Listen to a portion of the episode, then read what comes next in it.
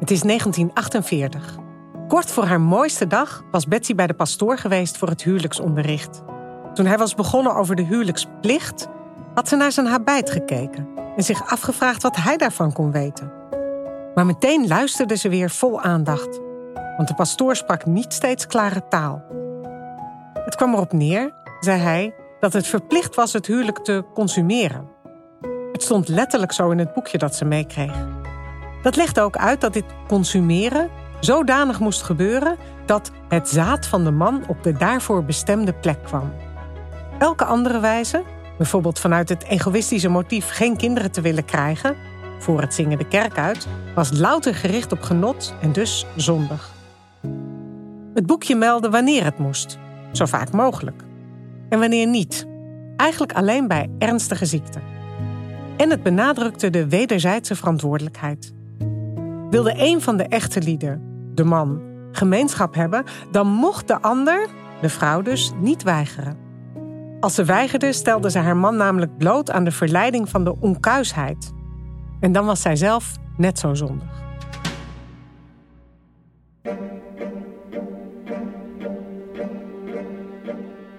In geen enkele eeuw veranderde het leven van vrouwen zo sterk als in de afgelopen 100 jaar. Met invloed op iedereen. Hoe verliep de strijd om behandeld te worden als gewoon mens? En hoe beïnvloedt dit de maatschappelijke positie van vrouwen nu, in onze tijd? Dat onderzoeken we in de Eeuw van de Vrouw. En dus die van ons allemaal. Ik ben Susanna Jansen, schrijfster en geboren in 1964. Toen ik zes was, werd het verbod op de verkoop van condooms officieel afgeschaft. En ik ben Rachel van der Pol, journalist, geboren in 1983. En toen ik acht jaar was, werd gedwongen seks binnen een huwelijk of een relatie voor het eerst aangemerkt als verkrachting en daarmee strafbaar. Vandaag gaan we het hebben over de huwelijksplicht. Hoe werkt de seksuele moraal van 100 jaar geleden en het idee van wat seks is door in deze huidige tijd? Zullen we beginnen met dat artikel? Ja. Ja, jij was echt flabbergasted toen ik het jou stuurde. Ik moet gewoon een beetje lachen, maar het gaat om een artikel uit de Linda van Carolien Spaans. En dat uh, begint als Carolien met vriendinnen in een restaurant zit en dan verzucht een van die vriendinnen dat ze er gewoon geen zin meer in heeft. Nu niet, al jaren niet. En Spaans schrijft: Eigenlijk wilde ze gewoon nooit niet meer. Ze bedoelde seks en meer specifiek de seks met haar man. En verderop schrijft ze: De vriendin werd, nu ze vrij uit kon praten, kwaad. Het is toch eigenlijk van de gekken dat wij ons verplicht voelen tot seks? Of het misschien zelfs verplicht zijn, anders is het mijn schuld dat hij vreemd gaat. Ja, nou ja, ik was echt flabbergasted. Want weet je, ik dacht namelijk echt dat het allang vanzelfsprekend was dat, ja, dat, dat seks iets was waarbij de behoeften van vrouwen en mannen allebei meetelden. Want ja, weet je, nee, ik schrok er het meest van dat vrouwen nog steeds het gevoel kunnen hebben dat ze moeten doen alsof. Nou ja, en ook die plichten van, maar als ik dat verplichte nummertje niet doe, dan gaat hij weg. Dat mechanisme. Ja, ik, ik kon bijna niet geloven dat het nu nog speelt. En dat vind ik heel erg. En nou ja, misschien moet ik er wel even bij zeggen. Ik ben dus 58. En ik was uh, eh, 17 in 1981. Dus dat is de tijd waarin ik uh, mijn eerste vriendje had. Toen begon ik, uh, laten we zeggen, iets met seks te doen. En ja, ik al van het begin af aan was het in mijn beleving volkomen normaal dat, dat ook, ja, ook de behoeftes van vrouwen net zo goed meetelden. Dat heette dan voorspel. En het, dat ging natuurlijk niet altijd goed en dat kon ook enorm onhandig zijn enzovoort. Maar dat hoorde er helemaal gewoon bij. Dat, dat, daarom schrok ik echt. Ja, jij had zo'n geschokte reactie. En toen ik dat artikel las en toen ik die instructies van die pastoor las, toen dacht ik, jeetje. Kijk, tuurlijk, we hebben stappen vooruit gezet, maar het lijkt er wel op dat die instructies die jouw ouders zo'n 80 jaar geleden kregen, toch vrij hardnekkig zijn blijven hangen. En nou ja, over die invloed gaan we het vandaag hebben. Dus Suzanne, neem ons even mee de geschiedenis in. Ja, nou ja, weet je, ik denk eigenlijk dat we moeten beginnen bij in den beginnen. De Bijbel. De Bijbel, het verhaal van Eva en Adam in het paradijs. Dus uh, dat verhaal waarin Eva Adam verleidt om de verboden vrucht te eten, die appel van die boom, en, en dat ze dan uit het paradijs worden verdreven. Want sinds dit verhaal is opgeschreven, is dat de moraal die, ja, die, die bij een groot deel van de wereld uh, dominant is. Uh, namelijk dat de verleidingskunst van Eva gevaarlijk is en mensen in het verderf stort en dat Adam nou ja, daar weerloos tegen is. En um, ja, ik denk dat eigenlijk in alle monotheïstische godsdiensten geworsteld wordt met seks. Want je hebt het nodig voor de voortplanting. Maar lust is tegelijk iets dat beteugeld moet worden. En, en dat is dan ook de reden waarom het moet worden beperkt tot binnen het huwelijk. En waarom het, nou ja, eigenlijk gewoon gericht moet zijn op kinderen krijgen. En niet op nou ja, alle gevoelens die je erbij kunt krijgen. Ja, die verleiding van Eva moet worden ingetoond. Ja, want die is gevaarlijk. En tegelijk is zij ook degene die overal die moraal moet bewaken. Want zij moet zedig zijn. Zij mag niet uitdagen. Zij moet zich bedekken. Zij mag niet verleiden. Het, het ligt altijd aan haar als, als, ja, als een man over de schreef gaat. Want ja, een man is nou eenmaal weerloos tegenover een verleidelijke vrouw. Die kan er niks aan doen. Dus, dus denken over vrouwelijk genot past echt al helemaal niet in dit verhaal. Ja, maar in die instructies van de pastoor stond ook dat sowieso seks in het algemeen niet gericht was op genot. Maar toen dacht ik wel, ja, dat is wel handig. Want volgens die moraal moet het zaad op de daarvoor bestemde plek komen.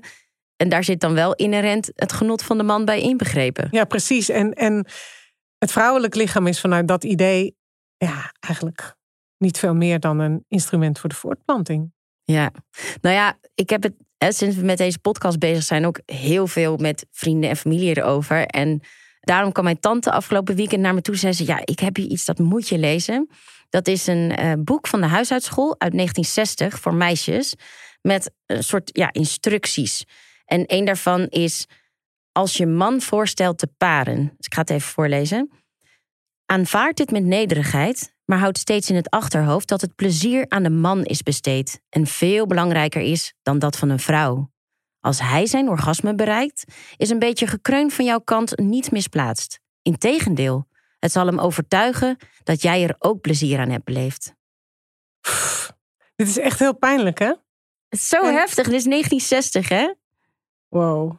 En de, en, en, en de huisartsschool, daar zaten meisjes tot 14 op, hè? Dus die kregen dit echt op heel jonge leeftijd. Het is, dit, is, dit is bijna de basis van dat artikel van de Linda. Hè? Ja, eigenlijk wel. Echt heel erg pijnlijk. Ja. En het is trouwens een moraal die heel breed werd gedragen. Het was niet alleen iets katholieks. Um, ja, in de zedenwet van 1911 stond bijvoorbeeld al het wettelijk verbod op de verkoop van condooms. Want seks om de seks, dat is al, dat is al heel lang ja, uit den boze geweest, onzedelijk. Nou ja, behalve dan uh, in de praktijk voor mannen. Ja, dus misschien ook goed om te weten, tenminste wat ik ook las, tekenend voor die tijd.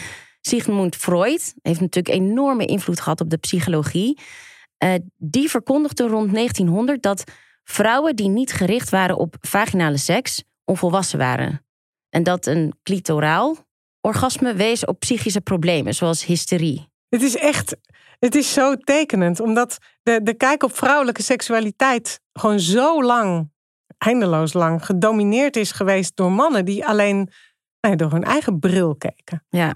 Nou ja, en er kwam natuurlijk ook nog bij dat seks altijd belast was met het risico van zwanger worden. Het kon niet alleen om plezier gaan, want er zaten hele grote consequenties aan. En die lagen ook bij de vrouwen. Ja, die lagen bij de vrouwen, ja. Weet je dat zelfs voor, uh, nou ja, voor katholieken in elk geval was periodieke onthouding niet de bedoeling. Dus ook als beide echte lieden dachten: wow, even geen kinderen. Uh, dan mochten ze dat niet eens toepassen. Want ja, er was natuurlijk geen voorlichting. Hè? Ik weet echt van mijn ouders, die, die zijn naar de dokter gegaan om uitgelegd te krijgen wanneer er vruchtbare dagen waren en wanneer niet. Dus, dus hoe je die periodieke onthouding kon toepassen. En mijn ouders hadden geluk. Die durfden rechtstreeks naar de dokter en de katholieke dokter legde het hen uit. Want eigenlijk hadden ze eerst toestemming moeten vragen aan de pastoor. En die die zou dat nooit goed vinden bij, bij, bij een jong stel. En dit is, dit, ja, dit is wel de reden waarom mijn oudste drie zussen amper een jaar met elkaar schelen. Want pas daarna uh, durfden ze het aan om, uh, om die periodieke onthouding te gaan doen. ja. ja, maar dat zeggen ze ook hè, in, die, in die instructies. Dus alles rond seks was doordrenkt met schuldgevoel en zonde. Ja, handjes boven de dekens, hè? Nou ja, wat jij net vertelt over de pastoor. Mijn oma, die was bijvoorbeeld nog op haar 49ste zwanger. En na het achtste kind mochten ze dus in overleg met de huisarts en de pastoor vanuit gezondheidsrisico's stoppen met gemeenschap. Ongelooflijk. Dat mocht dan. Ja.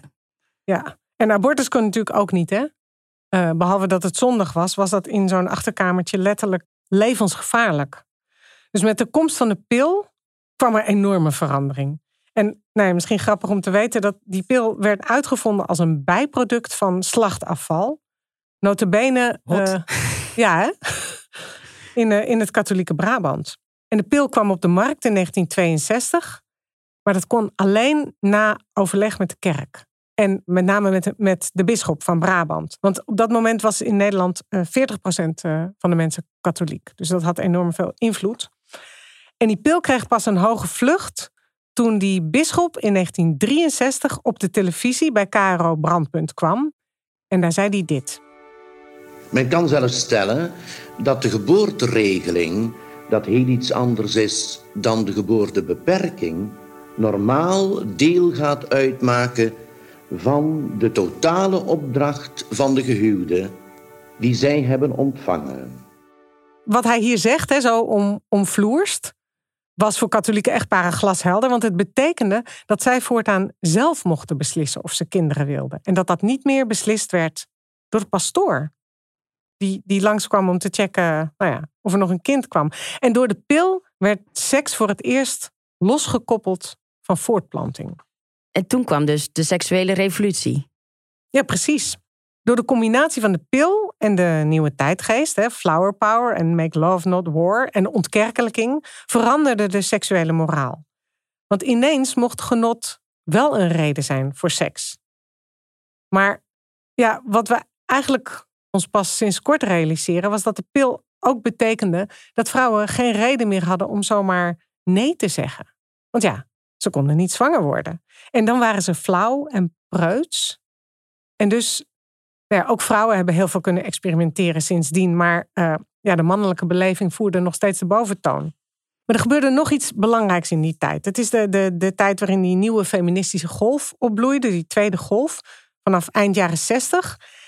En een heel belangrijk element hierin was dat vrouwen met elkaar gingen praten over hun leven.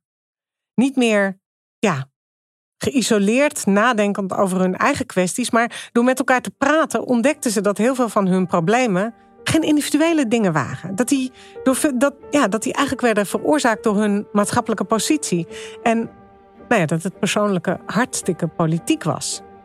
En uh, bij dit soort praatgroepen begonnen vrouwen het ook over hun lichaam te hebben en het te verkennen. Soms met spiegels en speculum bij elkaar te kijken van hoe zit dat eigenlijk in elkaar. Want ze hadden gewoon geen flauw idee hoe ze er zelf uitzagen. En dan, ja, dan kwam er vaak ook het moment waarop ze smoesjes gingen uitwisselen, die ze gebruikten voor als ze geen zin hadden in seks. Totdat dan een iemand zei: Waarom verzinnen we eigenlijk smoesjes? Waarom zeggen we niet gewoon: Nou, vandaag even niet?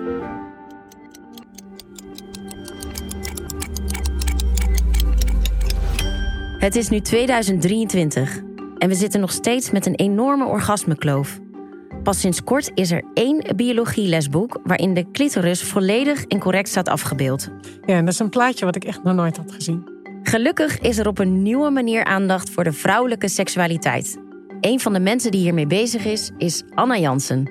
Ze is specialist seksuele ontwikkeling, oprichter van de Sekswijzer en algemeen bestuurslid van Stichting Seksueel Welzijn. Anna is geboren in 1991. Ja, en dat is dus wat we al eerder noemden: het jaar waarin het voor het eerst strafbaar werd om binnen een huwelijk of relatie seks te hebben zonder dat de vrouw dat wil. 1991. Welkom, Anna. Welkom.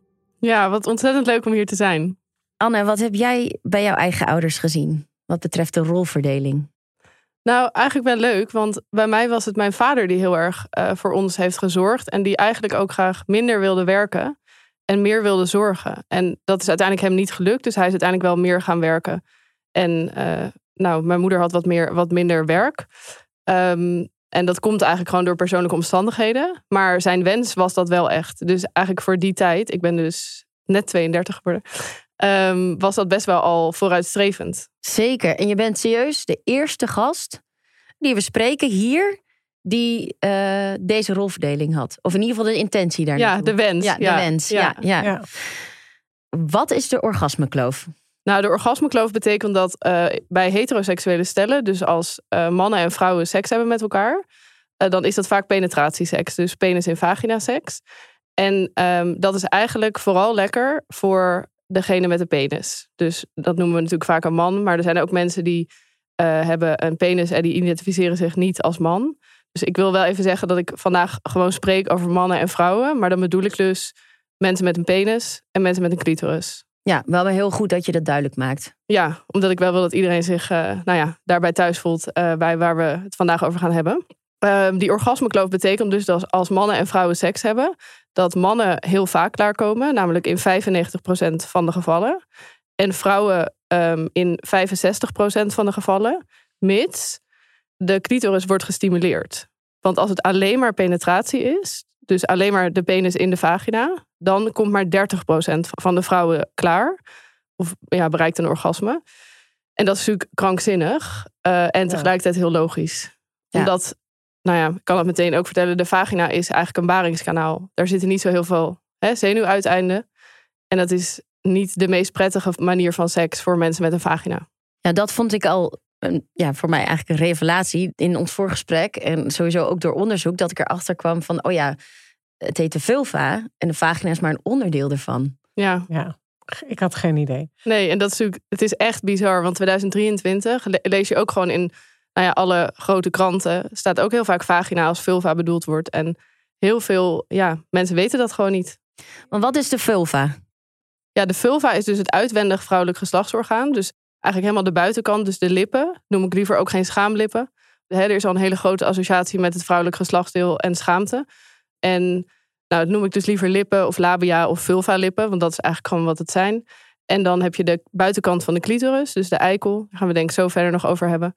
Nou ja, gewoon, ja, de hele buitenkant, dat is de vulva. En de vagina is dus onderdeel van de vulva. En dat begint bij de opening tot aan de opening van de baarmoedermond.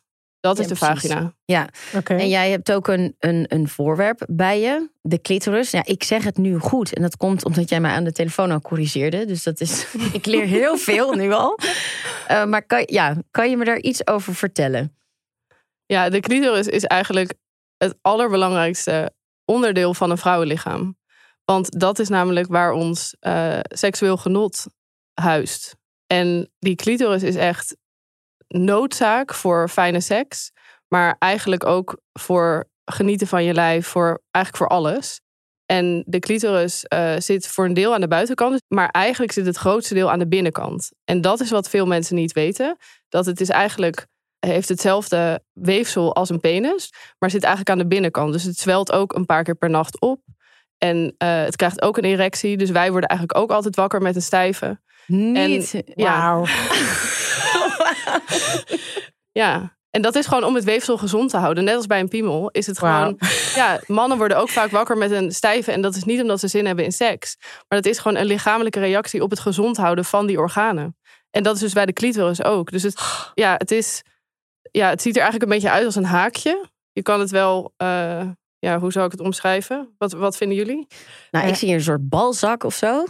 Ja, het, je- even, even om te beschrijven. Je, je houdt nu iets op dat knalroze is. Met ja, een, ja, twee ehm, eh, benen als het ware. Waar, waartussen twee nou ja, balzakken hangen. Ja, Eigenlijk. Ja. Leg uit. Ja, en di- in- dit is dus ehm, bij het puntje. Dus dat is eigenlijk het, ja, wat je het haakje zou kunnen noemen in, in wat ik hier voor me hou. Als mensen thuis dit horen, dan kun je het ook gewoon opzoeken ergens. Of eventjes, nou ja, ja bijvoorbeeld we zetten ook in de show notes. Precies. Ja, Kun je even een plaatje zien als je er nog nooit van hebt gehoord. De rest zit aan de binnenkant. En dat zijn dus inderdaad eigenlijk twee benen met daaronder twee soort hangende zwellichamen. En die zwellen op bij opwinding. Maar die zwellen dus ook op eh, soms bij stress. Maar ook bijvoorbeeld bij eh, seksueel geweld kan dat gebeuren. Dus het is niet zo dat het alleen maar gebeurt als je zin hebt in seks. Het is echt een lichamelijke reactie. En als we het hebben over seksueel plezier, dan is dit dus onwijs belangrijk. Omdat als dit opzwelt, dan heb je eigenlijk een stijve eh, als vrouw. En dat zorgt ervoor dat de vagina vochtig wordt. En dat de vagina en de plasbuis beschermd worden. Dus het zijn eigenlijk ook een soort kussentjes die Mhm. je lichaam beschermen als er iets inkomt. Dus een penis, eh, in het geval waar we het vandaag over hebben. Dus het is echt ongelooflijk belangrijk. En hierdoor is seks ook pijnloos. Dus Mhm. Heel veel mensen hebben pijn bij seks. Eén op de tien vrouwen heeft pijn bij seks. Eh, en een groot deel daarvan denkt ook dat dat erbij hoort. Ja. Ja, En dat is dus omdat, ja, dat heb ik dus nu geleerd, omdat je dan een slappe klit hebt. ja dus eigenlijk omdat je gewoon, je lichaam is niet opgewonden. Ja, En je moet geen penetratieseks hebben als je geen stijve hebt. En dat geldt voor mannen en voor vrouwen. Jongens, even, dit, dit, je, die terminologie, stijf en slap, voor een vrouwenlichaam, dat, daar moeten we even niet overheen walsen. Dat is toch al wat, toch? ja het, was is- voor mij echt een soort van vuurwerk in mijn hoofd. Omdat ik echt zoiets had van, wow, dat voelt zo gelijkwaardig. Ik heb het- tot nu toe, als je het over vagina hebt, ben je gewoon een schede, weet je. Want dit is, echt voor mij weer revolutionair. Ik vind dit echt. eh, Wauw. Ik moet denken aan iets wat mijn vader een keer zei. Mijn vader, geboren in 1921. Dit moet je erbij weten. Want ik wil niks negatiefs over hem zeggen. Maar ergens tegen het eind van zijn leven was hartstikke oud. Toen geen idee waarom we het over seks hadden. Want dat was, deed ik eigenlijk normaal niet met hem. Maar toen maakte hij een opmerking. Toen zei hij: Ja, bij een vrouw is het gewoon een gat. En daar werd ik toen al boos over. Toen zei ik: Nou, Ja. volgens mij heb je nog nooit goed opgelet. En verder dacht ik, hier wil ik niet met mijn vader over praten. Maar dat is toch wat je, ook wat ik heb meegekregen. Niet dat, dat het een gat is, maar wel, ja, niet, niet Door zo, gebrek aan kennis, denk niet ik. zo, zoiets, zo volledig. Dit gaat, dit gaat gewoon over mijn lichaam. Vind ik ongelooflijk. Want laten we het even hebben. Jouw vader zei van, oh, nou, dat is toch een gat. In de intro zei ik al, er is nog maar één biologieboek eh, waarin die volledig incorrect wordt weergegeven. Ja, ik denk dat daar dan ook wel een oorzaak in zit, toch? In gebrek aan kennis. Ja, sinds 2020 staat het in één biologieboek inderdaad helemaal eh, correct en volledig afgebeeld. De uitleg die ik net gaf over stijven en het vochtig worden van de vagina door opwinding, dat staat er nog niet. Dus er mist eigenlijk nog steeds een stukje kennis voor jongeren over Mhm. hoe werkt mijn lijf.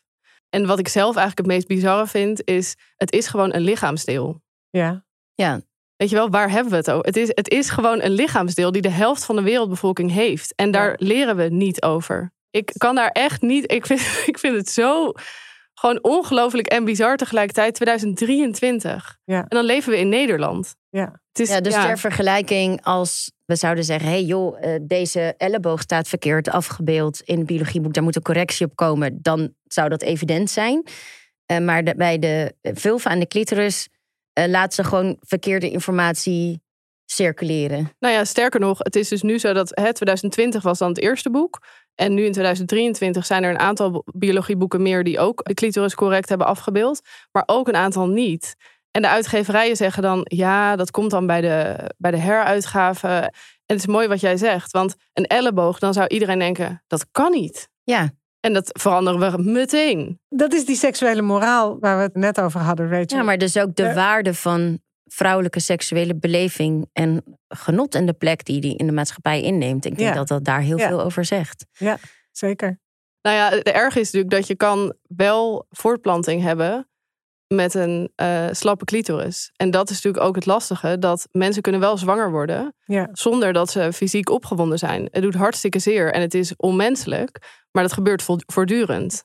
terwijl dat bij mannen niet kan. Precies. Ja. En dat is ook nog wel een hele lastige, dat er soms ook wordt gezegd van ja, waarom zou je dat moeten weten? In combinatie met dat ongelooflijk grote taboe op vrouwelijk seksueel plezier. Want wij mogen seks niet lekker vinden, want dan zijn we een slet of goedkoop. Of, en dat is Ja. echt nog steeds het idee. Ja, want we hebben dus ook net met Susanna gehad over de geschiedenis van de seksuele moraal. Een meisje hoorde zedig te zijn. Hoe is dat nu? Nou ja, er, wordt, er is wel een beweging die meer gaat richting positieve seksuele voorlichting. En positieve seksuele vorming, dat het meer gaat over plezier. Eh, er is onlangs eh, voor het eerst een positief thema geweest in de Week van de Lentekriebels. Dat is voor het basisonderwijs. En het thema was Wat vind ik fijn? Daar is ongelooflijk veel commotie over geweest. Want ja, je gaat kinderen toch niet vertellen over positieve seksualiteit? Ehm, ja, dat nou ja, kunnen we nog een aparte aflevering over Ja. maken. Maar goed, dus hè, we zijn daar echt nog niet. En ik geef ook veel gastlessen. En ik merk vaak dat jongeren zeggen... ja, wij vinden het eigenlijk ook onzin... eh, dat die dubbele seksuele moraal er is. Maar we vinden het eigenlijk wel. En wat bedoel je? Dus dat uh, als mannen uh, zeggen dat ze seks leuk vinden of als mannen veel seks hebben, dan is dat nog steeds heel stoer. En dan kan je daar flink mee aankomen op feestjes of bij je vrienden of waar dan ook. En als vrouwen open zeggen: Ik hou van seks, of ik vind seks lekker, of ik heb meerdere vriendjes of meerdere partners, uh, dan ben je nog steeds goedkoop. Nog steeds, het is, je daalt in waarde. Ja. Dat is zeker nog steeds aan de hand. Ja. Bij wat jij nu vertelt, schiet mij dat woord te binnen, wat ik vroeger nog wel heb meegekregen van afgelikte boterham. Ja. En dat, dat vind ik zoiets pijnlijks. Ja. Dat voel ik fysiek, dat woord. Ja. Nou, en vrouwen internaliseren dit ook. Dus stel, jij ja. hoort voortdurend uh, afgelikte boterham, of je het nou hoort in films, in, bij vrienden, op school, waar dan ook, dan internaliseer je dat. En ga dan maar eens, als je met iemand in bed ligt, zeggen: Eigenlijk wil ik dit graag. Of eigenlijk vind ik dit fijn. Ja. Of zou je misschien dit bij me willen doen? Ja. Neem die ruimte maar eens in als je altijd hoort dat het niet gaat om jouw plezier. Ja. Ja. Het is, ja, voor mij begint echt gelijkheid ook in bed. Ik vind het zo ja, ja, ja. essentieel. Ja, ja, natuurlijk, natuurlijk. Ja. ja. Ik wil je iets voorleggen.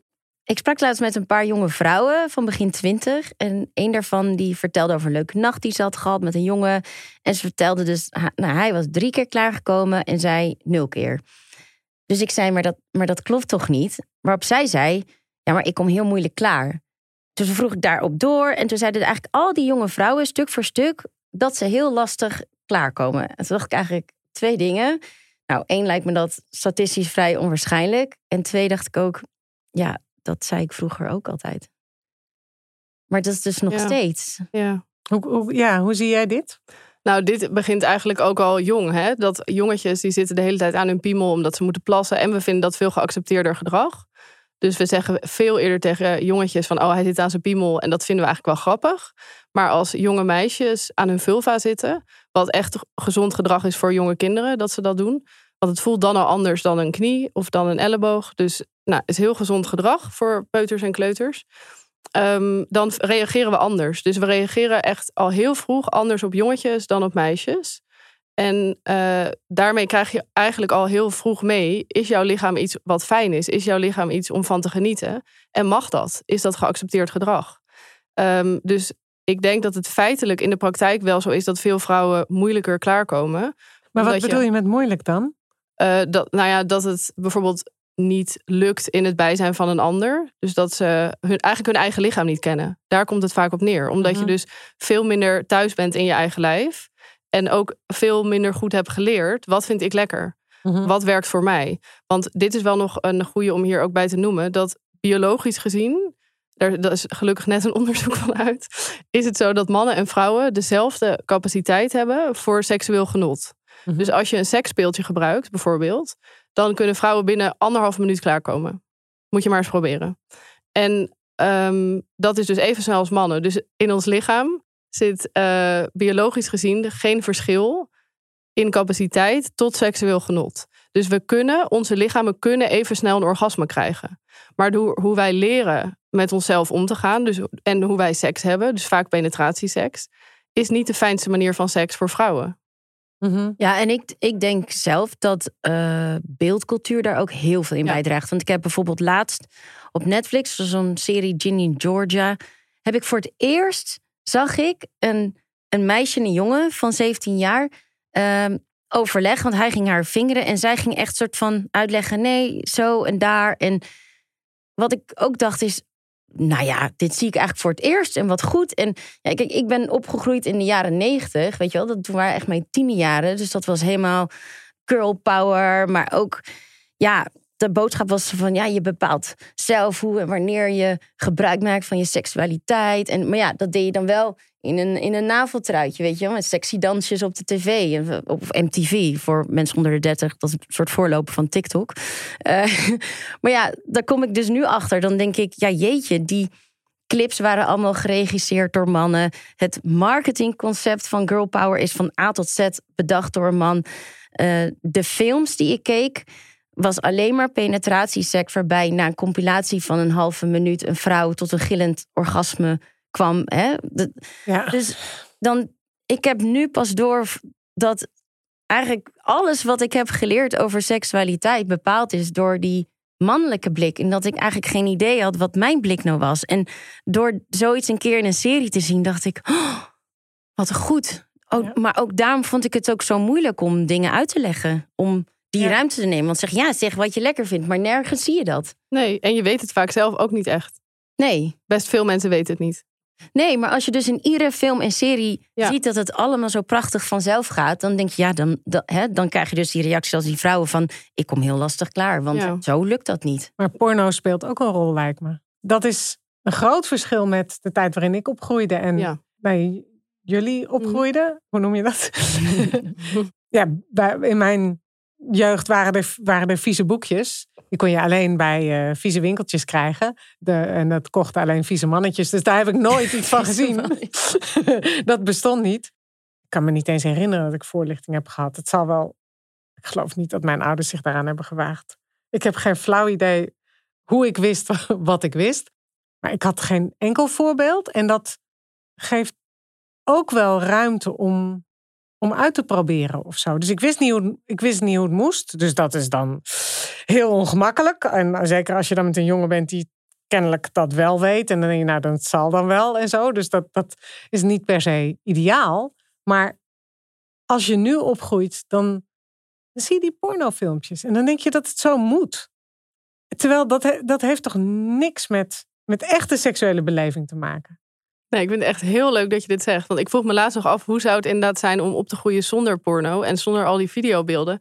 En kan je dan niet eigenlijk veel beter ontdekken wat voor jou seks is? In elk geval moet je het zelf ontdekken. En of Ja. dat dan lukt, dat hangt natuurlijk totaal af van met wie je bent. En hoe je Ja. met elkaar omgaat. En hoe vrij je jezelf voelt. En hoe vrij die ander zich voelt. Enzovoort. Hè? Want daar kan ook van alles misgaan. Nee, maar wat jij bijvoorbeeld vertelt over de jaren zestig, dat die vrouwen zichzelf echt met een spekel en hun spiegeltjes gingen bestuderen, of wat dan ook, dat is denk ik nog veel vrijer dan eh, Ja. wat er nu gebeurt. Ja, jaren zeventig hoor. Zo, 70, sorry. 70 en begin jaren 80. Oké. Ja. Ja. Ja, dat, dat, daar, zat, daar zat zeker een vrijheid in, maar daar was, er was zoveel om je van los te rukken. Dat is ook de tijd waarin op een gegeven moment het idee was: je gaat niet met je onderdrukker naar bed, dus je werd politiek lesbisch. Ja, En ja, ik bedoel, ja. wat je daar verder ook van vindt, dat was binnen die, die, die kring van feministische voorlopers. Dus dat, dat had ook een enorme sociale druk, maar het gaf wel, denk ik, vrouwen de mogelijkheid om iets over zichzelf te ontdekken. Nu is er toch, moeten we toch meer, denk ik. Ja, denk je dat je moet voldoen aan dat beeld wat je ziet? ja, zeker. De labia-correcties, dus eh, dat is eigenlijk al belachelijk wordt, eigenlijk eerder labia-verminkingen, kan ik het beter noemen. Verminkingen zijn Maar het, ja, Dat is, eh, die cijfers zijn torenhoog, omdat iedereen denkt, ja, maar mijn binnenste lippen zijn groter dan mijn buitenste en dat zie je nergens.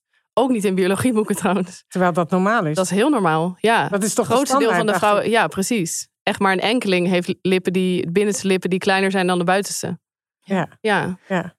Hey Anne, waarom is het zo belangrijk dat we het hierover hebben?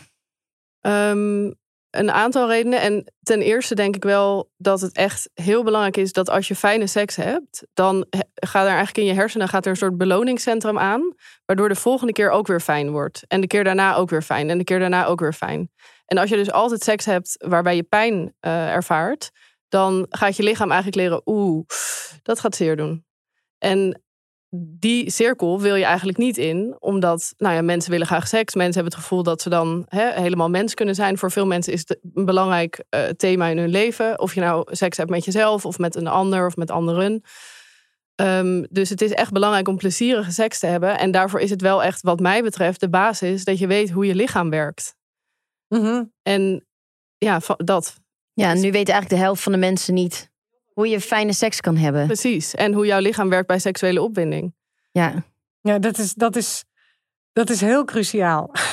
En weet je, ehm, nou ja, bij het voorbereiden van deze aflevering en nou ja, nu in het gesprek ook. Ja, dat klinkt misschien gek, maar ik ben heel dankbaar dat jij en andere mensen hiermee bezig zijn. En dat zit hem niet alleen in het te weten hoe je lichaam werkt. Ik bedoel, je hebt het over mij, over mijn eigen lichaam. Hè? En ik, ik weet best wat van mijn lichaam.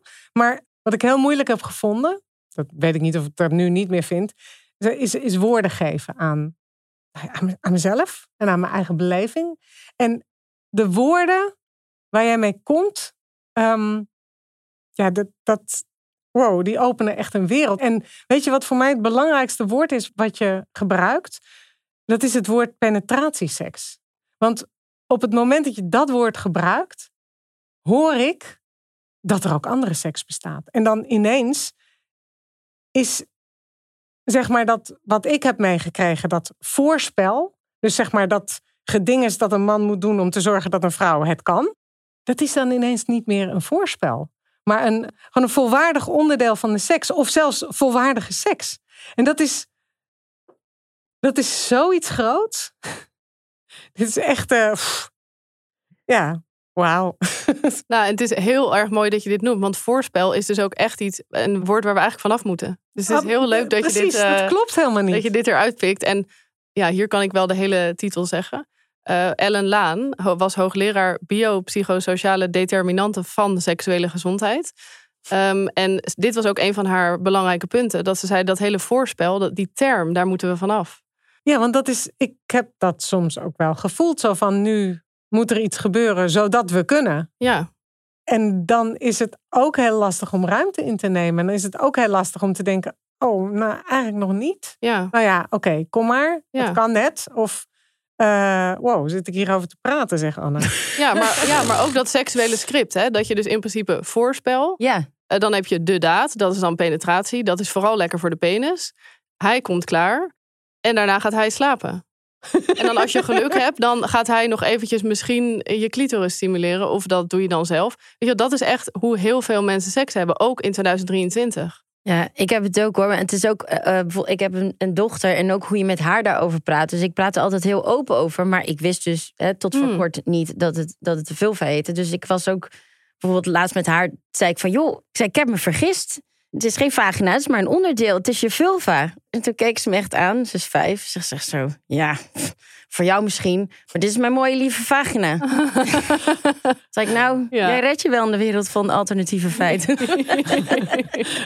ja. ja. maar ja, goed, er is wel trots. Dus heel mooi. Ja. Heel. En ook dat jij zo, zo jong, hè, ik zeg ook altijd gewoon vanaf baby af aan al de geslachtsdelen benoemen. Zeker. Want dat vinden we dus ook bij jongens veel makkelijker dan bij meiden. Ik geneer me ervoor en heb me daar de hele tijd voor gegeneerd dat ik bij mijn dochter er geen woorden voor had. Dus ik heb de hele tijd gedacht: ik moet benoemen, ik moet benoemen, ik moet benoemen.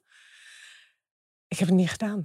Ik had geen woorden waar ik me goed bij voelde. En de hele tijd dacht ik: dit is, dit is niet oké. En waar kwam het bij jou, denk je, vandaan? Dat je. Dat nou, de woorden die ik had, vond ik stom. Of nee, veel erger. Dus um, ik ben opgegroeid met uh, veel oudere zussen die meegingen in die tweede feministische golf.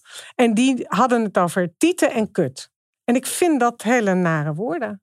En ik vind dat echt nare woorden. Dat, ik kan Ja, niet uitleggen waarom dat is, maar dat vind- Nee, dat heb ik ook. Snap je dat? Ja, zeker. Heeft iets heel hard, hè? Dus dat, Ja. dat is veel te hard. Dat klopt gewoon niet. Dus dat kon ik niet tegen haar zeggen. Ja, maar ik vraag het ook omdat heel veel ouders die zeggen. eh jij geeft wel een interessante reden, die hoor ik niet zo vaak. Want vaak zeggen ouders: ja, het is te, een te volwassen woord voor kinderen. En het is geseksualiseerd. Dus dat we vulva Zeker. en vagina gaan we niet tegen een kleuter zeggen. Want dat heeft te maken met seks. En dan ga ik daar altijd over in gesprek. En dan komen we er echt wel op dat het is gewoon een lichaamsdeel wederom. En het is gewoon een deel van je lijf wat je gewoon kunt benoemen. Maar voor heel veel mensen is het dus heel moeilijk om die vrouwelijke lichaamsdelen te benoemen. Eh, omdat die lading daarop op zit die wij Ja. er zelf op leggen. En bij nee, een piemel heb je die lading niet. Nee, want dat zijn man- mannen. Nee, maar we hebben die Ja. woorden niet. Dus vulva lijkt me een hele... Vulva is gewoon Goeie. het woord. Ja, maar Ja. dat woord kende ik toen niet. Nee. Dus, dus ik heb het over Ja. meer dan twintig jaar geleden. Ja. Maar ik vind het ook zo bizar, inderdaad, hè, wat je net zei met die lentekriebelscampagne. Daar was heel veel commotie over. Ja. Ehm, eigenlijk zijn de meeste mensen het over eens dat als jij beslissingen wil maken en je hebt meer informatie tot je beschikking, dat je betere beslissingen maakt. Hè? Laten we zeggen een hypotheek of eh, moet ik. Weet, nou ja, maar van Ja. alles. Dan zeggen we, oh, lees je even in of doe even dat. En dan gaat het over seks en dan is in één keer, oeh, oeh, doe maar de handen voor de ogen, want dan. Want straks ga je het doen. ja. En dat is echt onze eigen angst. Dus misschien niet per se van ons drieën, maar wel Angst daarvoor. Ja, nou ja, voor dus eh, vrouwelijke seksualiteit. En waarom? Ik bedoel, hoe zie jij dat? Hoe kijk jij daar tegenaan? Waarom daar angst voor moet zijn? Ja, dat is een goede vraag. Ja, mijn eerste reactie zou zijn, ja, daar begrijp ik eigenlijk helemaal niks van. Die, die reactie snap ik wel. Ja. Waarom in godsnaam zou je daar bang voor zijn? Maar ja, Nee, dat vind ik moeilijk. Ik zie het wel overal. Hè. Op alle plekken waar ik kom zie ik wel die angst. En, En specifiek voor vrouwelijke ja, seksualiteit. ja. En met, als we het hebben over kinderen, dan is het wel weer een ander geval. Hè. Dus dan zijn mensen heel bang eh, voor seksueel misbruik. Ja, dat- Terwijl we juist weten dat als je er inderdaad wel voor voor ligt, dan zijn kinderen beter beschermd. oké. Dus dat is. eh, Dat is een, een, Dat is een andere waar angst. mensen over Ja. moeten. Ja, dat is een andere angst, ja. Ben jij optimistisch over dit onderwerp? Denk je dat het de goede kant uitgaat? ja, het, ja, ik denk wel dat het de goede kant uit gaat. Wat mij betreft echt veel te langzaam. Maar het gaat wel de goede kant uit. Ehm, en ik, ja, ook door dit soort momenten waarop we het er met elkaar over hebben. Ik denk gewoon, we moeten het er zoveel over hebben en over Ja, inderdaad. Wat is er nodig? Ja. Inderdaad, dat wilde ik ook nog vragen. Nou ja, ik denk wat mij betreft, er is gewoon heel veel goede kennis beschikbaar. Dus er is veel onderzoek. Er zijn veel mensen die hier veel over weten. En ik hoop gewoon dat op een gegeven moment op een punt komen dat het werk dat ik en mijn collega's doen, dat het overbodig wordt. En dat iedereen weet hoe een clitoris werkt. En dat iedereen weet dat het gewoon vulva heet. En dat iedereen weet, nou ja, al deze dingen waar we het over hebben gehad. Ehm, omdat ik echt denk dat het ieders leven beter maakt. Want we hebben het natuurlijk nu heel erg over vrouwen. Maar voor mannen zitten er ook heel veel dingen in porno of in media. hoe zij seks zouden moeten hebben. En dat zij altijd seks leuk zouden moeten vinden. Terwijl dat vinden heel veel mannen helemaal niet. En heel veel mannen willen ook andere soorten seks. Dus het heel erg gewoon teruggaan eigenlijk naar weg van de porno. En eigenlijk terug naar, naar ja, hoe jij bent opgegroeid. En naar, ja, maar vanuit jezelf uitzoeken. En vanuit je eigen gevoel. Wat is seks voor mij? Wat, wat is plezier voor mij? Wat voelt goed? En probeer het. En misschien valt het soms tegen. Nou, dan doe je volgende keer iets anders. Ja, Dankjewel, Anna, dat je hier eh, wilde komen. Ja, jullie bedankt. ja, Leuk. Ik ben er echt een beetje ondersteboven van, merk ik. ja ik, eh, ik ook. Ja, Ongelooflijk, hè? ja. Ehm, nou ja, in de aanloop naar deze aflevering zag ik een quote van een schrijfster, Margaret Atwood. En die heeft dus een keer gezegd... De Eskimo's hebben 52 verschillende namen voor sneeuw, omdat het belangrijk voor ze is. Er zouden minstens zoveel namen voor liefde moeten zijn. En wat zij zei bleef zo bij me hangen, omdat ik dus daaraan moest denken dat ik dus op mijn 39ste de correcte benaming voor mijn geslachtsdeel heb ontdekt. Vulva. En door die uitspraak snap ik waarom ik daar zo verrukt over ben. Omdat het belangrijk voor me is. Pas als we de natuur van dingen snappen, kunnen we ze de juiste naam geven. Er, er klikte echt iets. Een puzzelstuk viel op zijn plek waarvan ik dus eigenlijk niet eens wist dat het ontbrak.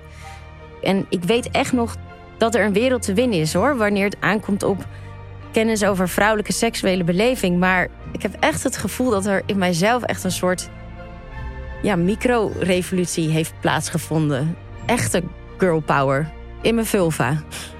Ja, ja. dit is. Dit is ja, de, je, je verwoordt wat ik ook voel. Ehm, en ja, ik heb, ik heb ineens wel de associatie met die vrouwen uit de jaren zeventig die gingen ja, ontdekken hoe ze eruit zagen. En nee, verder geloof ik niet dat ik een wijze conclusie heb. Maar ik voel me echt geraakt. Dit gaat over mijzelf en over dat ik ruimte in mag nemen, ook op dat vlak. Je luisterde naar De Eeuw van de Vrouw en dus die van ons allemaal. Deze podcast bouwt voort op het boek De Omwenteling of De Eeuw van de Vrouw van Susanna Jansen. Wil jij kans maken op een exemplaar? We verloten drie boeken per aflevering. Ga naar eeuwvandevrouw.nl om mee te doen. En in de volgende aflevering praten we over haar natuurlijke bestemming. Het moederschap dus. Moeten we er dan nu al bij zeggen dat wij dat niet per se vinden? Nee joh, daar gaan we het in de volgende aflevering over hebben. Check. Oké. Waardeer je deze aflevering? Volg dan deze podcast, deel hem met je vrienden, graag ook met je mannelijke vrienden en geef ons een review. Dat helpt anderen de podcast beter te vinden. De Eeuw van de Vrouw is een podcastproductie van VBK Audiolab, Ambo Antos Uitgevers en Audiohuis. Redactie is in handen van Susanna Jansen en mij, Rachel van der Pol. Regie en montage Lieve Sonderen en Suzanne Terol. Projectmanagement door Pauline Reinders. Mixage en mastering Gijs Vriesen. En muziek door BMG Production Music.